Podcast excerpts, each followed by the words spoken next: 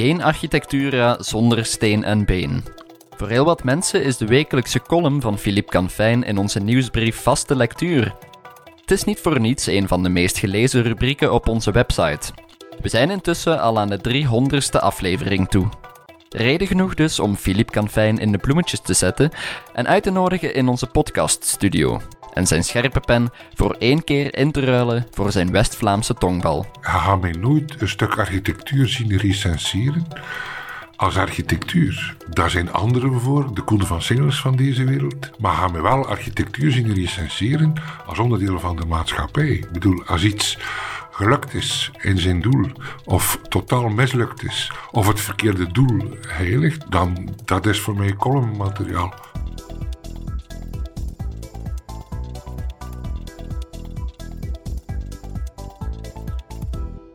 Onze zaakvoerder Rick Neven en hoofdredacteur Lisbeth Verhulst voelden Philippe Canfijn aan de tand over wat hem drijft bij het neerpennen van zijn wekelijkse steen en been. We vroegen ook enkele bevriende architecten hoe zij Philippe Canfijn kennen en gaven hen de kans om hem een prangende vraag voor te schotelen. En wie konden we daarvoor beter strikken dan Leo van Broek, Mark Felix, Niklaas de Boete en Philips broer Bart Canfijn? Voor we van wal steken, graag nog een woord van dank aan onze structurele podcastpartners. Reinaars Aluminium, de specialist in innovatieve en duurzame aluminiumoplossingen. Van der Zande, het mooiste maak je samen. Assiver verzekeringsmakelaar gespecialiseerd in polissen voor architecten en ingenieurs. En tenslotte Alcalis of Communication, communicatiepartner gepassioneerd door technologie, bouw en HR.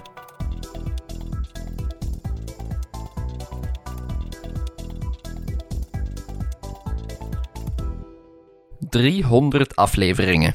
Dat zijn vele uren met de pen in de hand. Weet Philippe nog wel wanneer het eigenlijk allemaal begonnen is? Uh, met een telefoontje, met een zekere Rick Neven, waar dat ik, maar ik weet het eigenlijk niet meer juist, ik heb het ook niet meer opgezocht, eigenlijk voorstelde of dat er een plaatsje was op de, jullie website Architectura.be, die toen uh, al een flinke website was, maar niet in vergelijking met nu nog altijd, die, die groeiende was, maar toch al een zeker renommee had, om zo regelmatig, want dat was het eerste woord, direct het andere woord dat mij ook bijgebleven is, regelmatig iets te plegen dat onder de term column valt, dat dus uh, tong-in-cheek is, dat uh, uh, reculer pour mieux sauter, om het in het Frans te zeggen. En ten tweede, uh, en dat onthoud ik uh, nog altijd, dat je zei niet meer dan 500 woorden. Ja. en dat vond ik raar, want de eerste columns die ik geschreven had, zaten altijd tussen de 700 en 800. Ja, ja. Uh, daar ziet het dus. Dat heb ik gezegd om te, ervoor te zorgen dat je niet aan 1500 zat. Uh, ja, ja, ja, ja. Ja, maar ik was ook gewoon uh, uit wat ik schreef van één, nooit naar die aantal woorden te kijken. Mm -hmm.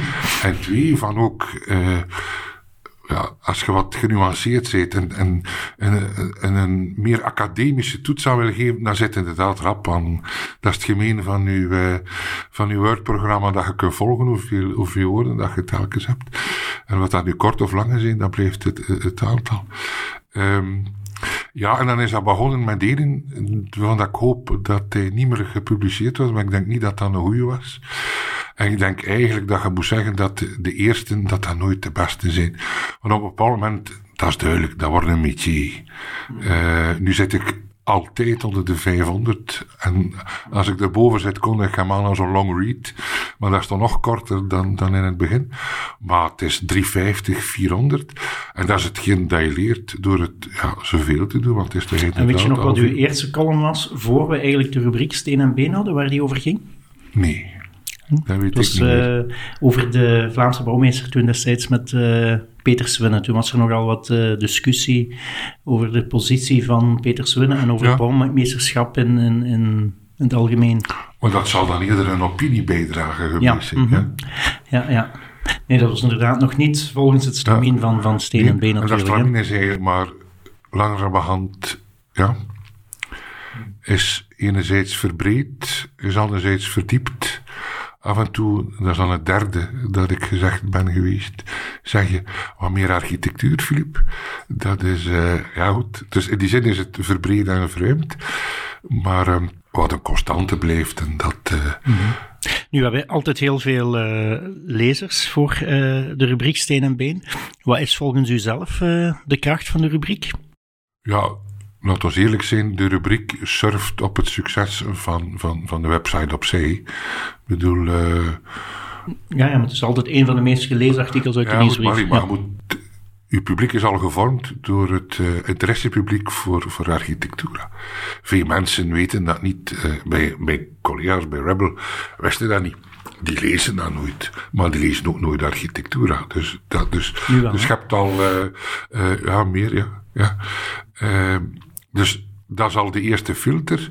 En dan denk ik dat binnen die filter, dat men dat wel een keer prettig vindt om binnen de brede denkwereld van architectuur en stedenbouw en dergelijke, van ook iets te hebben dat enerzijds iets scherper is, iets afstandelijker ook, uh, maar ook iets ietske ruimer. Uh, want dat is iets wat dat ik heilig van overtuigd ben.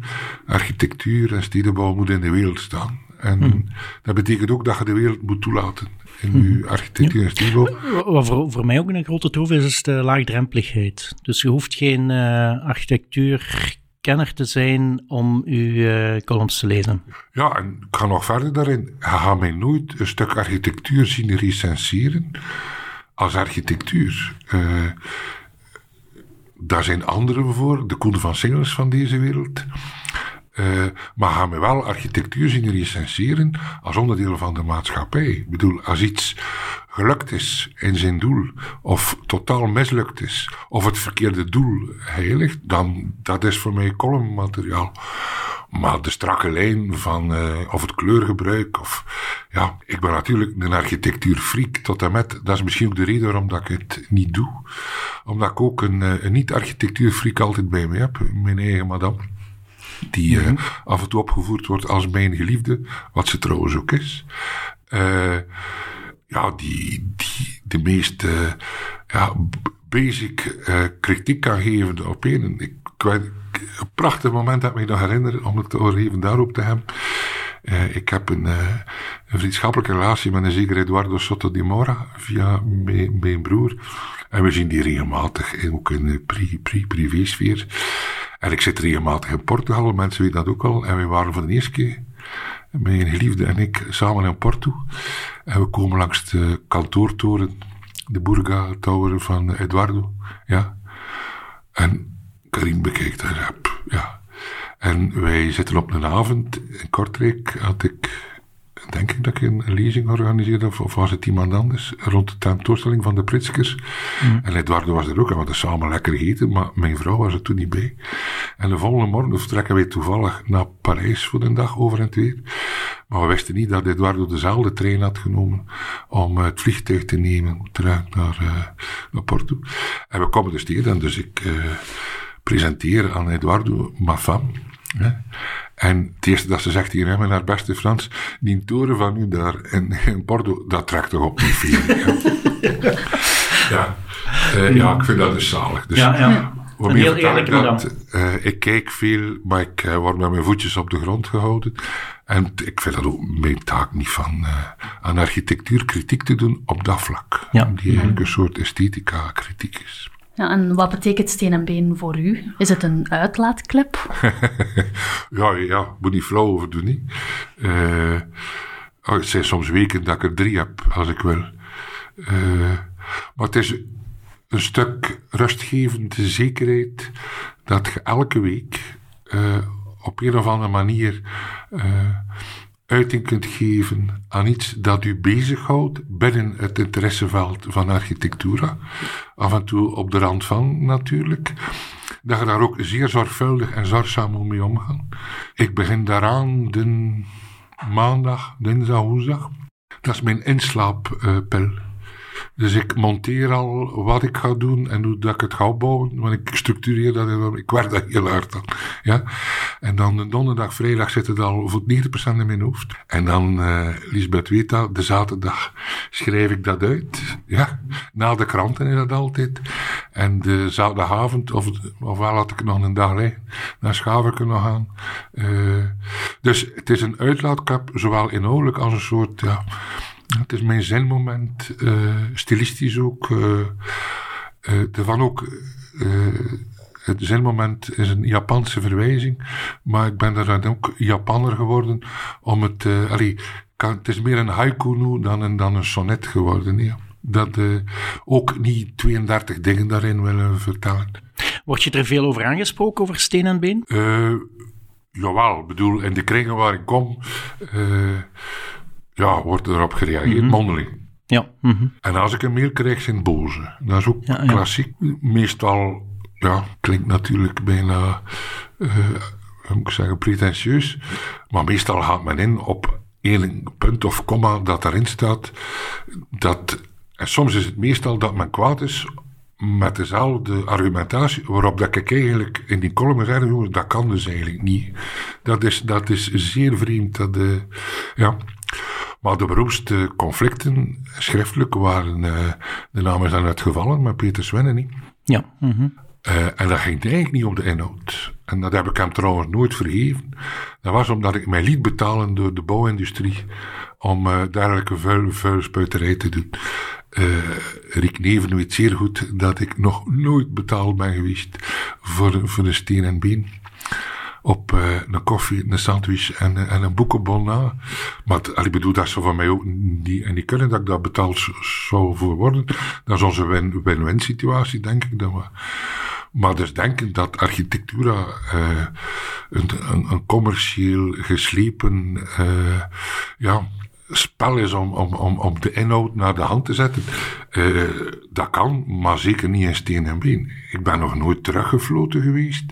Ik ben wel al geconfronteerd geweest, en dat is voor mij ook uh, zeer verhelderend geweest, dat je voordat er iets gepubliceerd wordt, er iets een reactie vraagt van wie een keer ja, wat jij dan vindt, Riek, uh, of Lisbeth misschien, dat het iets te scherp is naar iemand toe, mm -hmm. dat ik kan reageren.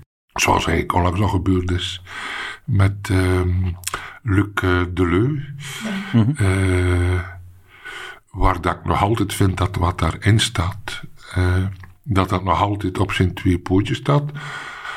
Maar Luc heeft daarop gereageerd op, op, op een manier die hem, die hem siert. Tijd om er een eerste prangende vraag bij te halen. We beginnen met Leo van Broek, een brother in crime, zoals Philippe hem zelf noemt. De voormalig Vlaams bouwmeester neemt geen blad voor de mond en kreeg daardoor vaak ook zelf kritiek te verduren, maar niet van Philippe Canfijn. Hij stak zijn steun voor Van Broek in steen en been nooit onder stoelen of banken. Om het met Philippe's eigen woorden te zeggen: Go, Leo, go! De sterkte van steen en been zit in de sterkte van de auteur. Philippe heeft een vlijmscherpe pen en heeft een zeer groot engagement. Heeft zich uh, altijd opgeworpen en heeft ook altijd aangedurfd om een kat een kat te noemen, maatschappelijke problemen, ruimtelijke problemen. Zaken die gewoon niet correct zijn. Onderbetaalde architecten, uh, slechte stedenbouw, goede en slechte promotoren of alles wat daartussenin zit. De grijze zone durven bespreken cijfers noemen in de plaats van meningen. Dus ik denk dat dat heel belangrijk is. Steen en been klinkt voor mensen die Filip niet goed kennen soms misschien wat te tendentieus in de verwoording. Dat maakt het ook tot een, interessante column als je lezers wilt aantrekken, omdat er altijd wel een beetje peper en zout in het eten is. En ik heb die neiging zelf ook soms. Maar daaronder zit kennis. Daaronder zit zaken die er te doen. Dat vind ik eigenlijk het belangrijkste. Ja, en hoe belangrijk is zo'n figuur als, uh, als Philippe in de sector? Ik denk dat we veel te veel bange mensen hebben. Die niet durven zeggen wat ze denken of die strategisch communiceren om niemand voor het hoofd te stoten. En omgekeerd, veel te veel mensen die polariseren op basis van een gebrek aan kennis. Het grote probleem is dat domme mensen zelden twijfels hebben. Dus dat daar dan de, de grote, de antivaxers, dat zijn de mensen die zomaar wat zeggen en zeggen: Ik heb toch ook recht op een mening. En een mening is geen buikloop. Mening moet je traag vormen. Ja. En die verandert. Alleen een zot verandert nooit van gedachte. Je moet altijd denken aan, ja, maar wat u daar zegt is wel een beetje hard. Ja, nee. Als een chirurg ziet dat je gangreen in je been hebt, en die zegt, als ik je been niet mag, niet mag amputeren en als je het nog wilt houden, heb je nog drie maanden te leven. Maar met een prothese danst je binnen 40 jaar nog altijd de tango, maar jij mocht kiezen. Ik vind dat geen agressief statement. Ik vind dat zakelijk en wetenschappelijk onderbouwd advies. En eerder een, een vorm van wetenschappelijk onderbouwde stand-up comedy. Meestal de moeilijkste boodschappen een beetje verteerbaarder maakt. En dan Filip, je kent hem ook persoonlijk? Een beetje, ja. Ja. We hebben elkaar regelmatig ontmoet.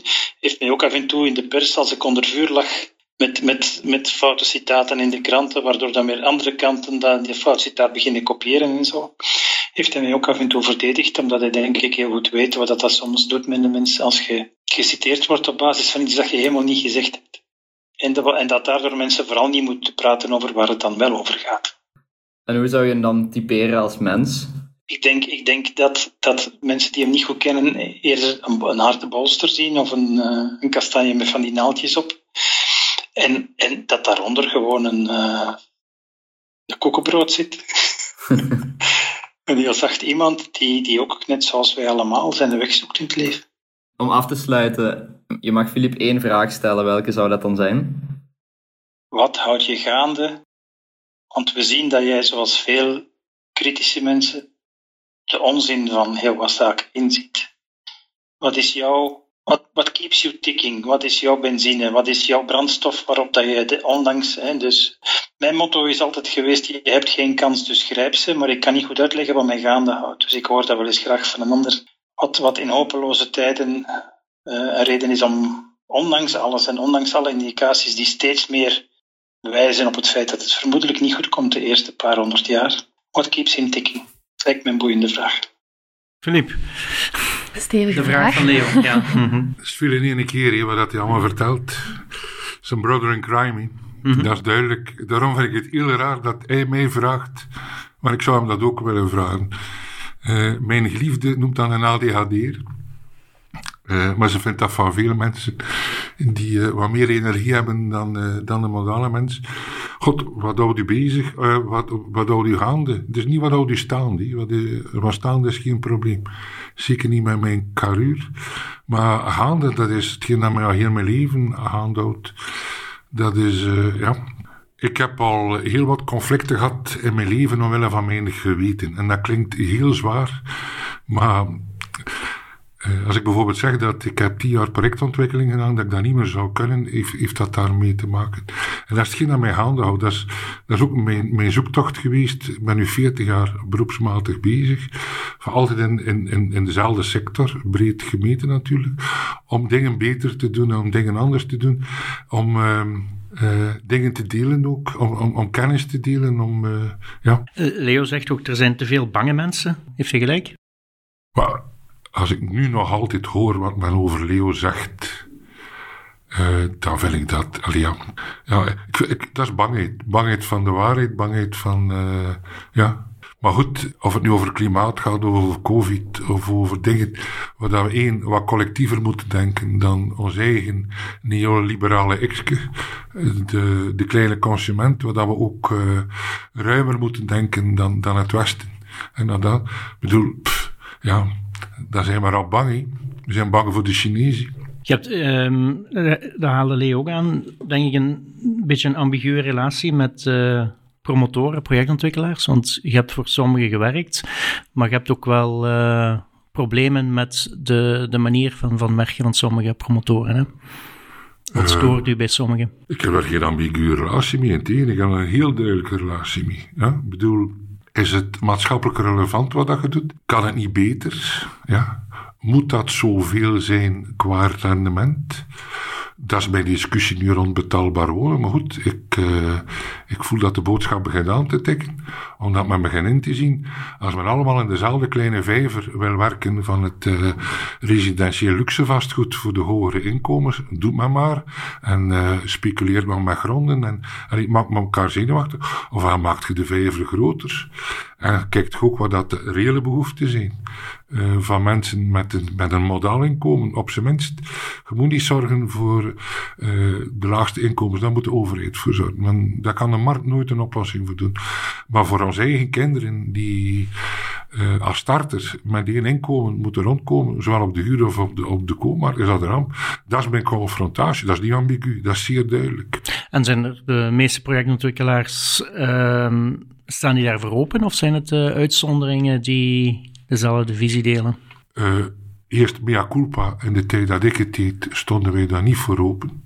Omdat het begrip betaalbaar wonen was, ja, alles was betaalbaar. Hè. En waren wij eigenlijk vooral bezig dat moet gezegd worden, maar het is geen excuus. Vooral bezig met stadsvernieuwing en het opkrijgen van de kwaliteit van de stad. Ik spreek van uh, eind jaren negentig, uh, twintig jaar geleden. Vandaag denk ik dat die, dat die operatie als uh, voltooid mag beschouwd worden. Nu is het puur een, eh, een investerings- en operatie geworden. En dat zou het niet meer kunnen. Vroeger had ik nog een indruk van ook met altijd geluk had om met zeer goede architecten te kunnen werken. Dat we iets goed deden voor het stedelijk weefsel, om het zo maar te zeggen. Nu heb ik niet de indruk dat architecten daar nog de kans toe krijgen. Architecten moeten gewoon signatuur onder iets zetten. Shigeru Ban. En uh, dat hem dan nu mee bezig is, of die doet er niet toe. Maar we verkopen, zoals de Vuitton, een uh, Shigeru Banneke verkopen. Maar het probleem is dat dat niks meer met huisvesting te maken heeft. En, moeten architecten daar voor u meer een verantwoordelijkheid in nemen? Veel. Maar goed, dat is de, eigenlijk de rode draad in al mijn uh, dingen. Uh, ik heb al tweemaal als column de eet van Hippocrates gepubliceerd. Wat dat je eigenlijk als architect, en men begint daar langzaam mee, Leo was daar ook een van de eerste in, bouw geen verkavelingswoningen meer op slecht gelegen plaatsen, punt. Dit is een soort van collaboratie die ik niet meer uh, versta. En daar is het enige excuus voor. Als ik het niet doe, doe een ander het. En dat klopt nog ook. Voor alles vinden iemand. Ik vind, ja, ik, uh, ik snap dat niet meer. Ik weet ook dat dat een heleboel problemen oplevert naar de betaalbaarheid toe. Duurzaamheid is vandaag de vijand van betaalbaarheid en omgekeerd. En dat is heel spijtig. En hoe staat u dan tegenover evoluties zoals circulair bouwen? Uh, kritisch, omdat het idee is natuurlijk fantastisch. Ook ik lees de boeken die daarover gaan en ik vind dat subliem. Maar ik ben zeer pessimistisch daarover. Ik kom nog in een tijd van groen en dan was het bio en dan was het eco en dan was het duurzaam en dan was het robuust en nu is het in één keer allemaal circulair. Ik hoor langs iemand zeggen, ja, we her herbruiken dat gebouw voor een deel, dat is toch circulair. Ja, het gaat iets verder moeten gaan dan dat. Die. Kritisch, dat is Philippe Canfijn zeker in zijn steen- en been columns. En wie hem elke week leest, ziet bepaalde zaken geregeld terugkeren. Zoals het brutalistisch zwembad in Oostende van architecten Paul Felix en Jan Tange, waarvan het stadsbestuur onlangs besliste het te slopen om plaats te maken voor een open groene ruimte. Daarom vroegen we aan Mark Felix, zoon van Paul, voormalig voorzitter van architectuurvereniging Archipel en medestrijder om het behoud van het zwembad, om ook een vraag te stellen aan Philippe. De sterkte van steen en been dat was volgens mij de, de scherpe en soepele pen die nuchter en meestal zonder omwegen, maar met uh, behoorlijk wat passie, de feiten analyseert en daarbij dan eigenlijk wel wijze conclusies trekt. En daarbij schuurt hij nooit uh, onderwerpen. Uh, controversiële architectuur, stedenbouw, dat wordt daarbij absoluut niet geschuwd. En eigenlijk vind ik dat wel een verademing naar veel van die platte, oppervlakkige verhalen op architectuur. Dus dat is mooi meegenomen. Ja, ik vind, we hebben daar wel nodig, zo'n kritische noot die echt keer aan de alarmbel trekt regelmatig en een keer tegen schenen schopt. Dat hebben we wel nodig. Ja. Ik heb Philippe uh, bij de architectuurvereniging Archipel leren kennen. En ook eens uh, bij een eetje met Stoto di Mora bij Konijn met Pruim. Dat was zeer gezellig. Maar we hebben uh, elkaar per mail regelmatig contact rond de afbraakintenties van het zwembad van Oostende, waar onze beide vaders hebben gewerkt. mijn vader is architect en zijn vader als stabiliteitsingenieur. Dus daar hebben we wel een, een, een band. ja. Ik vind hem een heel hartelijk, warm mens, uh, empathisch en dan, maar ook recht door zee hoor. Uh, vooruit. ja. En als afsluiter mag je Filip nog één vraag stellen, één uh, prangende vraag. Ja, ik denk dat Filip die vraag al zelfs nakomt. Er wordt momenteel enorm gebouwd in Oostende, uh, van, van torens die er begonnen is. En ja, ik vraag me af hoe dat hij daarover nadenkt. Uh, dat is, lijkt mij geen verdichting te zijn van de stad, maar eerder een soort uh, ontgin van houtmijn zicht op zee. En wat denkt hij daarover? Dat is mijn vraag. Ja, even een aantal juiste situeringen geven. Ik ben nog een van de gelukkige studenten die nog les gehad heeft van zijn vader. Paul Felix, die is in mijn tweede jaar overleden. Uh, Mark is jarenlang mijn voorzitter geweest van Archipel. Uh, fantastische man. een Oostendenaar veel meer dan zijn papa. Zijn papa was iets cosmopolitischer, Mark is, uh, ja. We hebben elkaar veel gezien, we zijn veel op reis samen geweest ook, dus wij kennen elkaar vrij goed. Maar dan delen we natuurlijk ook het Olympisch zwembad. In, mm -hmm. Dat is voor u een heel belangrijk symbolisch dossier eigenlijk. Hè? Maar, ja, bedoel, uh, af en toe, want onlangs heb ik een debat geweerd omdat het iets te persoonlijk wordt. Uh, Paul Felix is voor mij belangrijk. De mede-architect was mijn stagemeester, Jan, Jan Tange. En mijn vader was stabiliteitsingenieur. Dus dat, gebouw dat ik ook zeer goed ken. Maar iedereen die ik daar binnenbreng, verschiet van dat gebouw. Ik bedoel, dat is van een kwaliteit. Is ook vernomen toch dat dat het enige Europese zwembad was met zeewaters. Uh, wat ik al uh, in deze tijden ook al een fantastische uh, verdienste vind. Maar is ook een product van, en dat is al de link naar de vraag, van altijd de chaotische stedenbouw van van de stad Oostende. Hebt daar de Koninklijke Galerijen, die wachten op restauratie. Hebt daar het sublieme Thermae Hotel, dat nu uitgebouwd wordt door Mark van Moerkerk. Uh, ook een niet onbekend Oostens figuur, maar dat compleet aan het vervallen is, omdat nog Mark, nog iemand anders vandaag de concessie voor een lange periode krijgt en dus niet bereid is van in dat gebouw te investeren. En dan is in één keer het grote probleem dat zwembad, dat dat dus achter ligt, achter de kustlijn, uh, achter het uh, beeld van Leopold II met een hand minder. Uh, en dat is nu in één keer een probleem. Inderdaad, dat was vroeger een tuin. Niet vergeten dat de koninklijke villa er ook naast lag. Dus die situatie is compleet anders. Vroeger aan de dijk en de, de polders begonnen daarachter. Is dat gebouw versleten? Ja. Stem, zwembadtechnisch? Ja. Ik bedoel, uh, water en, en zand en, en, en, en, en zuur en, en, en, en koolstofdioxide hebben de werk gedaan. Maar door zijn brutalisme is dat gebouw als gebouw totaal niet versleten. Um, men heeft gekozen voor de gemakkelijkheidsoplossing. Een soort DBFM-contract met uh, de Gentse maatschappij die al veel zwembaden in, uh, in, Oost en die in West- en Oost-Vlaanderen gebouwd heeft. Goed, dat, is, dat ligt daar uh, aan het stadion daar. Aan, wat dat de basketbalhal is ook daar is al een pak uit het centrum tussen. Waar dat, allee, dat Olympisch zwembad was een wandeling langs de dijk. En waar, dat, dat was. Ja, en dat men opeens zegt, uh, ja, tabula rasa. En dan met als wortel het zal weer een tuintuin worden, ja. Dat is denk ik de wortel die men groen heeft toegeschoven, die vroeger in de oppositie zat en meester hier niet voor behoud en nu wijselijk zijn mond houdt. Of haar mond houdt, is te zien welke mond dat is. Maar dat is een beetje Oostende. Ik ben een enorme verliefde op Oostende. Mark. Ik vind dat ook de enige stad aan de zee. Al de rest zijn kustplaatsen. Nog zo'n kwestie die Philippe Canfijn nauw aan het hart ligt en hij dus ook geregeld aankaart in steen en been, is betaalbaar wonen of eerder het gebrek daaraan in de woningmarkt van vandaag. Iets waar architecten volgens hem te weinig mee bezig zijn. Oh, ja, ja, goed, ja, ze zijn natuurlijk mee bezig. Als ze mogen een villa ontwerpen, zijn ze, zijn ze met wonen bezig. Maar met huisvesting zijn ze niet meer bezig. Ik vind nog altijd dat er te weinig architecten sociale woningen ontwerpen. Ik vind nog altijd dat het een schande is dat de Vlaams bouwmeester niks mag zeggen over sociaal wonen. Het VMSW is blijkbaar geen overheidsinstelling van Vlaamse origine. Ik snap dat niet. Uh, rijwoningen, Mark Martens dat zegt, zijn nog altijd uh, werk voor stagiairs. Terwijl dat het moeilijkste ontwerpopdracht is. Zie je in vergelijking met appartementen. Want dat kan eigenlijk een chimpansee, kan dat niet. Een appartement tegen een parlement. Kijk, kijk dat trucje wel, ja.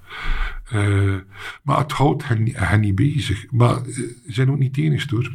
Als ik ergens moet uh, overwonen en daar gaan spreken, heb ik meestal een quizje mee. En ik vraag dan bijvoorbeeld hoeveel sociale woningen zijn er op 100 woningen in Vlaanderen. Ja? Wat is het gemiddelde inkomen van een Vlaams huishouden? Ja?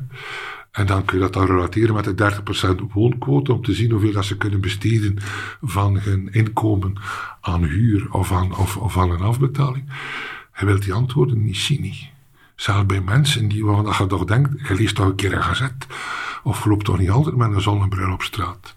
Maar dat er maar 6% sociale woningen in Vlaanderen, dat gelooft dus, allee, als je het uitlegt wel, maar soms krijg je 30, 35% als antwoord van mensen die dan toch, allee, heel banaal zijn. Uh, de overschatting wat dat er gemiddeld verdiend wordt. Maar goed, laten we eerlijk zijn. Architecten zijn white middelklas meestal.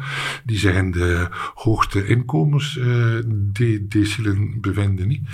Uh, er zijn een aantal architecten die het wat moeilijker hebben. Dat is trouwens moeilijker met politici ook. Maar wat zou er concreet moeten gebeuren om uh, het wonen betaalbaar te maken? Maar ik denk dat men eerst en vooral, en dat is een half antwoord op de vraag, dat men die betonstop moet innemen. En ik denk dat er een soort uh, negatieve collaboratie, burgerlijke ongehoorzaamheid moet komen. Dat je niet meer bouwt in plekken waarvan dat gezegd, moesten we vandaag 2040 zijn, dan zouden we niet meer bouwen. En dat gaat niet alleen over waterrijke of overstromingsgebieden, maar dat gaat ook over dingen waarvan dat je ziet dat infrastructuur daar naartoe, van riolering overwegen is. Ik bedoel, dat er daar een heleboel redenen zijn om dat niet te doen. Dat zou voor mij al een hele grote zijn, ja. Maar dat heeft meer te maken met, met uh, duurzaamheidsaspecten, toch? Of ook met de betaalbaarheid? Een stuk collectieve verantwoordelijkheid nemen. Dat is nu het eerste dat ze kunnen doen. Ja? Het tweede is van een soort ja, wegen op het nadenken over wonen. De enigste intellectuele oefening over wonen die gebeurde in stukje van betaalbaarheid, is van wat dat vroeger een tweekamer slaapkamerappartement van 90 is, nu een van 72 geworden. En daar hebben architecten duidelijk aan meegedaan om aan te doen dat ze konden compacteren. Dat was dus een ene keer uw proeven van kunde en kennis van kunnen compacteren. Nu, dat is niet gemakkelijk, zeker als je dat goed wilt doen. Maar je verliest wel de zin van vandaag als starter dat je opeens maar recht hebt om iets te huren, om iets uh, te kopen, waarvan je per definitie weet dat dat te klein is om bijvoorbeeld met één of met twee kinderen of met... Allee, studios hebben een nut maar niet voor mensen die van leven in een leven, of wel nog een kind willen krijgen, of wel nog een partner willen hebben, of misschien zelfs een, een, een, een mantelzorger willen worden van iemand.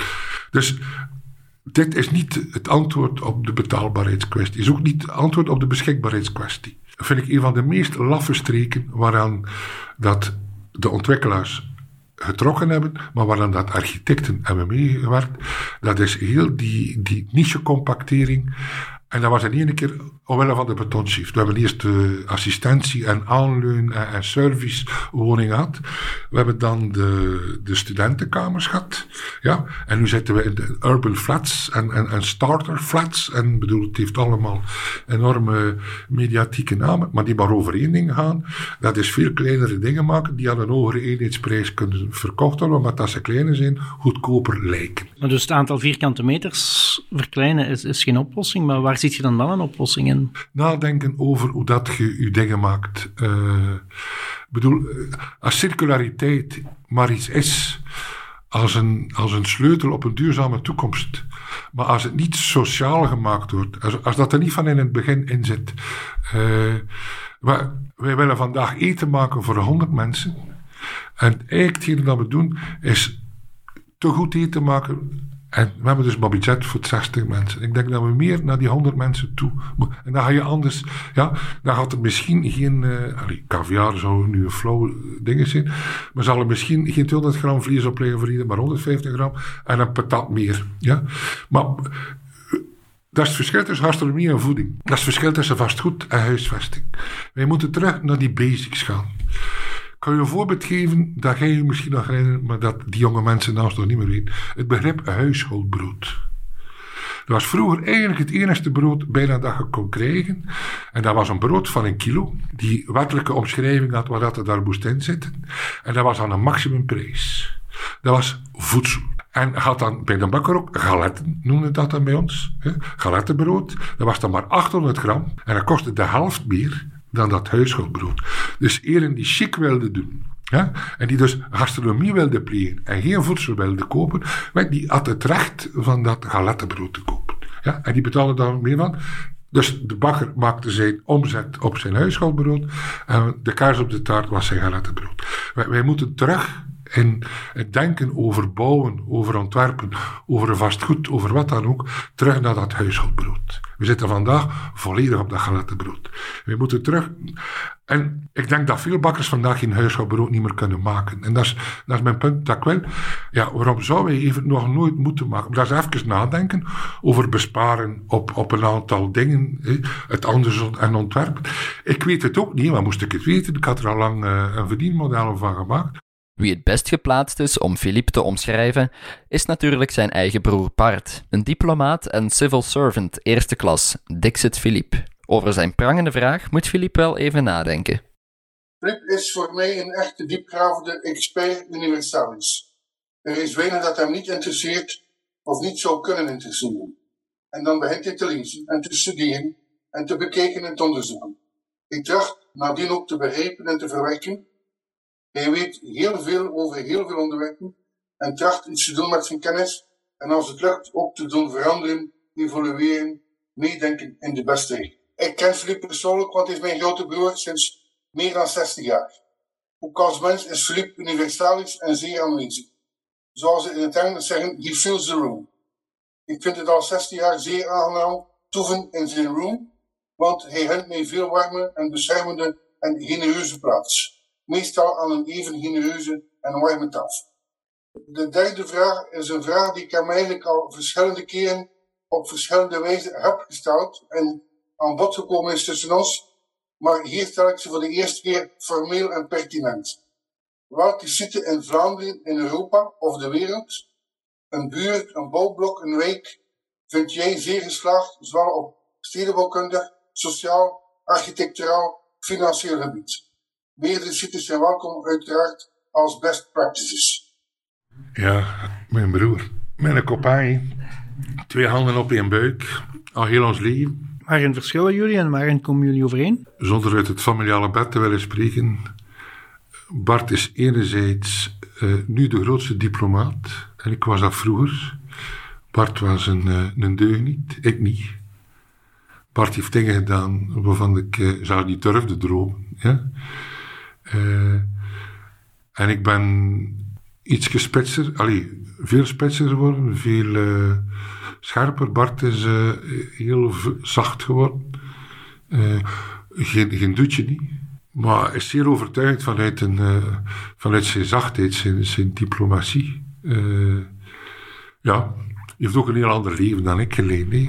Dat, dat vertelt En de, de vraag die je stelt, ja. een, een, voorbeeld van een uh, site die heel geslaagd is op alle vlakken? We zijn alle twee Lis, Lisboa-fans, uh, maar dat is natuurlijk flauw, want Lisboa is een, uh, laten we zeggen, een Jane Jacobs verhaal. Dat is allemaal bijna organisch gegroeid. Um, ja, ik moet nadenken. Dat zijn zo van die, van die vragen waar ben ik graag? In welke buurt? Die van, laten we zeggen, een recentere datum is. Uh, panderijtje maken uiteraard niet zeggen, dat zo flow zit. Uh, ah ja, ja, kijk, voilà. Ja, nou, ja, nu ben ik helemaal overtuigd. Het militair hospitaal, het Groen Kwartier in Antwerpen. Dat is, ja, maar, maar, en Lode Waas weet dat, ook een hele goede vriend van mij, was trouwens de leverancier van mijn bakstenen en Padrijtje niet, die werkte toen voor de Semplers, waar we elkaar leren kennen. Lode Waas van... Uh, Kaap. Kaap, ja. ja. Allee, de goeroe eigenlijk van, van de twee militaire hospitalen in Oostende en dinges. Het is very white middle class, quinoa, uh, allee, ja, noemt dat niet. Dat is het niet. Maar goed, die hebben ook een plaats. Maar de die zijn niet de aandrijver geweest. Laat ons dat duidelijk zijn. Het is trouwens Mieke Volers en mijn broer die met dat dossier begonnen zijn. Die dat dan uh, via Vespa hebben gekocht van het ministerie van Defensie. En dat dan met een zeer goed begeleide wedstrijd eigenlijk op de markt geworpen hebben. En dan dankzij de ontwerpers. Heel en achtergaande, hè? En, en, en veel anderen niet. En daar hebben enorm veel mensen aan gewerkt. En ook de visie van toen van Aerts uh, wat daar de CEO van was. En die al ervaring hadden van Oostende. Want dat was eigenlijk ook met dezelfde equipe bijna. Uh, ondanks het feit, maar het is goed gelukt, dat er toch een soort ghettovorming is met die sociale woning. Maar wie het militair hospitaal gekend heeft, zoals het twintig jaar geleden uitzag, en dan nu ziet naar vibratie en, en, en, en, en attractiviteit voor een bepaald soort volk, dat geen slecht volk is, maar dat uiteraard uh, gezorgd heeft voor de haalbaarheid van dat programma. Dus dat is een Q4, Q5 volk. Maar potverdorie, als ik dat dan uh, vergelijk met anderen waarvan ik de namen niet ga noemen, dan zeg ik, daar is er een, dat is een soort collectiviteit ingebracht vanuit de individualiteit. Antwerpen brengt ons naar de laatste praatgast die we hebben gevraagd om zijn licht op Philippe Canfijn te laten schijnen. En dat is Nicolas de Boete van Meta Architectuurbureau. Een man die Philippe Canfijn als familie beschouwt. Philippe is uh, zeer intelligent, maar is geen intellectueel. In de zin van uh, een beetje burgerlijk, een beetje benepen. Uh, Philippe heeft iets punk in zijn attitude. en hij houdt van het conflict hij vermijdt het niet. Eh, verkiest eh, een klein beetje oorlog boven eh, inderdaad onuitgesproken beleefdheid en politieke correctheid. Ik moet zeggen, ik heb het altijd zeer gewaardeerd aan Filip. dat is een heel mooie karaktertrek. Maar langs de andere kant is hij ook heel kwetsbaar. Hij is ook heel gevoelig. kwetsbaar is misschien een lelijk woord. Gevoelig is misschien juister. en dat is dan ook verpakt een stevig harnas, dat mag het ook zo mooi. Hè? De, de harde bolster, de zachte pit. Uh, dus, uh, en dat zijn die contradicties, die gelaagdheden bij Philippe, die hem zo uh, mooi maken. als persoon, als figuur, als denker, als schrijver.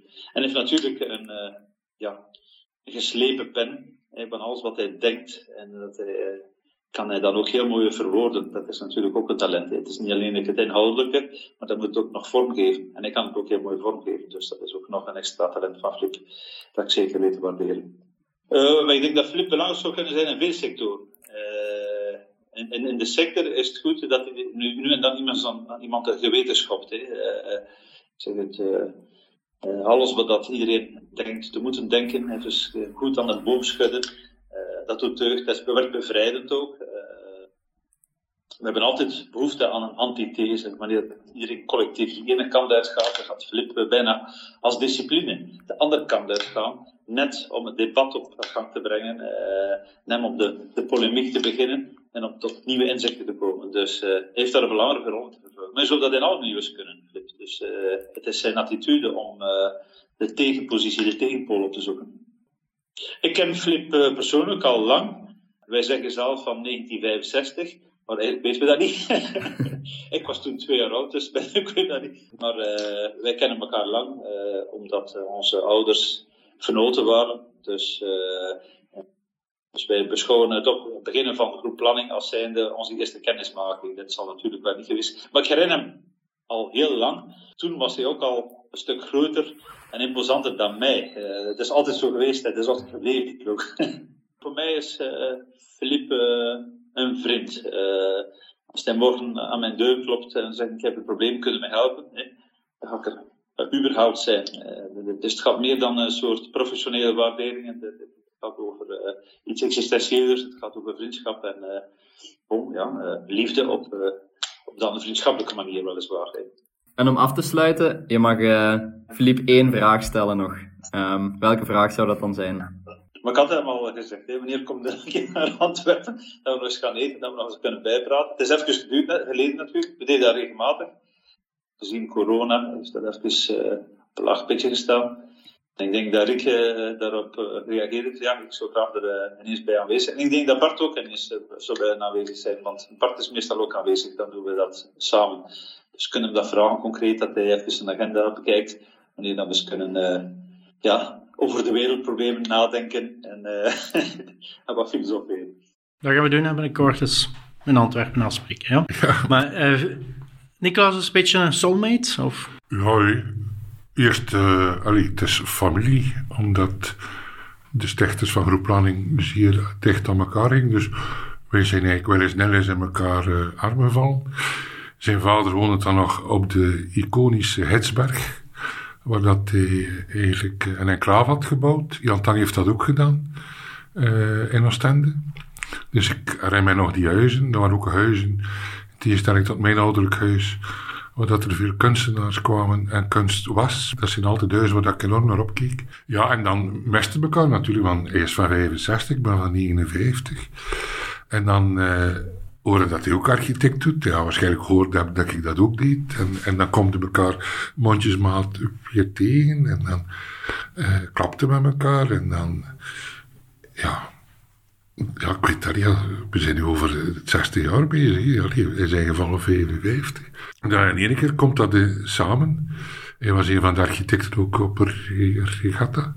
Omdat hij toen met zijn bureau enorme sterke sociale woningen zette en dingen. En dat is weer een vraag. Ik kan dus zeer betaalbaar bouwen. Dat is iemand die dat in zijn vingers heeft. Het zijn, zo, het zijn er niet veel. Zijn hand kan dat ook. Uh, en ik wil niemand tekort, er zijn misschien nog, maar waarmee ik gewerkt heb. Dat, dat. Dat is de mindset. En dan, uh, nou, ze hebben elkaar blijven tegenkomen. En dan is dat geculmineerd naar uh, Bart, die, uh, mijn broer, die in Brugge reed voor de opdracht rond de beurshallen. Waar dat hij Eduardo Sotolimora en Niklaas Ameta heeft samengebracht. En dat is mooi, want de architectuur van dat gebouw dat ze moeten daarvoor hebben doen, is van zijn vader getekend. En stabiliteit is van Bart en mijn vader uh, en Bart zijn vader, dus mijn vader ook. Dus ja, dat zijn van die familieverhalen. Eduardo die dat dan ook in mee opgaat zo. Uh, omdat hij ook al, ik zeg part of the family, maar hij is een enorme persoonlijke relatie. Zeker met mijn broer, maar ook met mij, met hem. Dat is feest dat we elkaar zien. Van een oude vent. Hey, ja, die een ouder of ik. Uh, nee, dat is, dat is, ja, is dat familie. Uh, hij noemt mij punk, maar hij is voor mij altijd de punk geweest. Hij is een uiterlijk ook. He. Want altijd een speciaal. Ik draag veel zwart, maar hij nog veel zwarter zwart. Maar ja, dat is geestig. Dat is ook een West-Vlaming die dat vergeten is. Maar die daar rap terecht krijgt als hij met mijn broer en ik aan één tafel zit. En die zich altijd soberder voordoet, maar we leren dat ook snel af. Als, de, als dit tussen de twee broers zit, is het zo het worstje tussen de twee delen van de sandwich. En waar we goed wat moesten doen. Deze gevleugelde woorden brengen ons naar het einde van deze podcast. 300 afleveringen steen en been. Wie ze nog eens wil herlezen, kan terecht op architectura.be. We laten Philippe Canfijn graag zelf deze podcast besluiten. Steen en been is ook een kwestie van liefde, laat mij dat duidelijk zijn. Liefde voor wat er is, maar ook vooral liefde voor wat er zou kunnen. En uh, als dat soms mensen, ik denk niet dat ik mensen al pijn gedaan heb, maar mensen wat wrevelig maken of, of korzelig, dat vind ik geen probleem. Moesten mensen pijn gedaan hebben, dan uh, dat is zeker nooit de bedoeling geweest. Maar je kunt scherp zijn zonder dat er bloed uitkomt. Maar ja, we leven op een mooie aarde, op een mooie samenleving. En het is het mooiste vak dat er bestaat.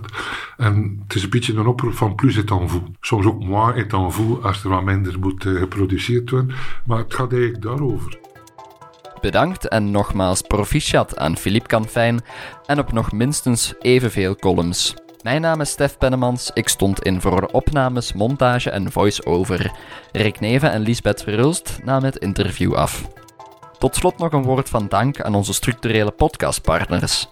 Reinaars Aluminium, de specialist in innovatieve en duurzame aluminiumoplossingen. Van der Zande, het mooiste maak je samen. Assiver, verzekeringsmakelaar gespecialiseerd in polissen voor architecten en ingenieurs. En tenslotte Alcalas of Communication, communicatiepartner gepassioneerd door technologie, bouw en HR. Ben je geïnteresseerd in meer podcasts over architectuur? Beluister dan zeker ook onze andere afleveringen op architectura.be. Tot horens!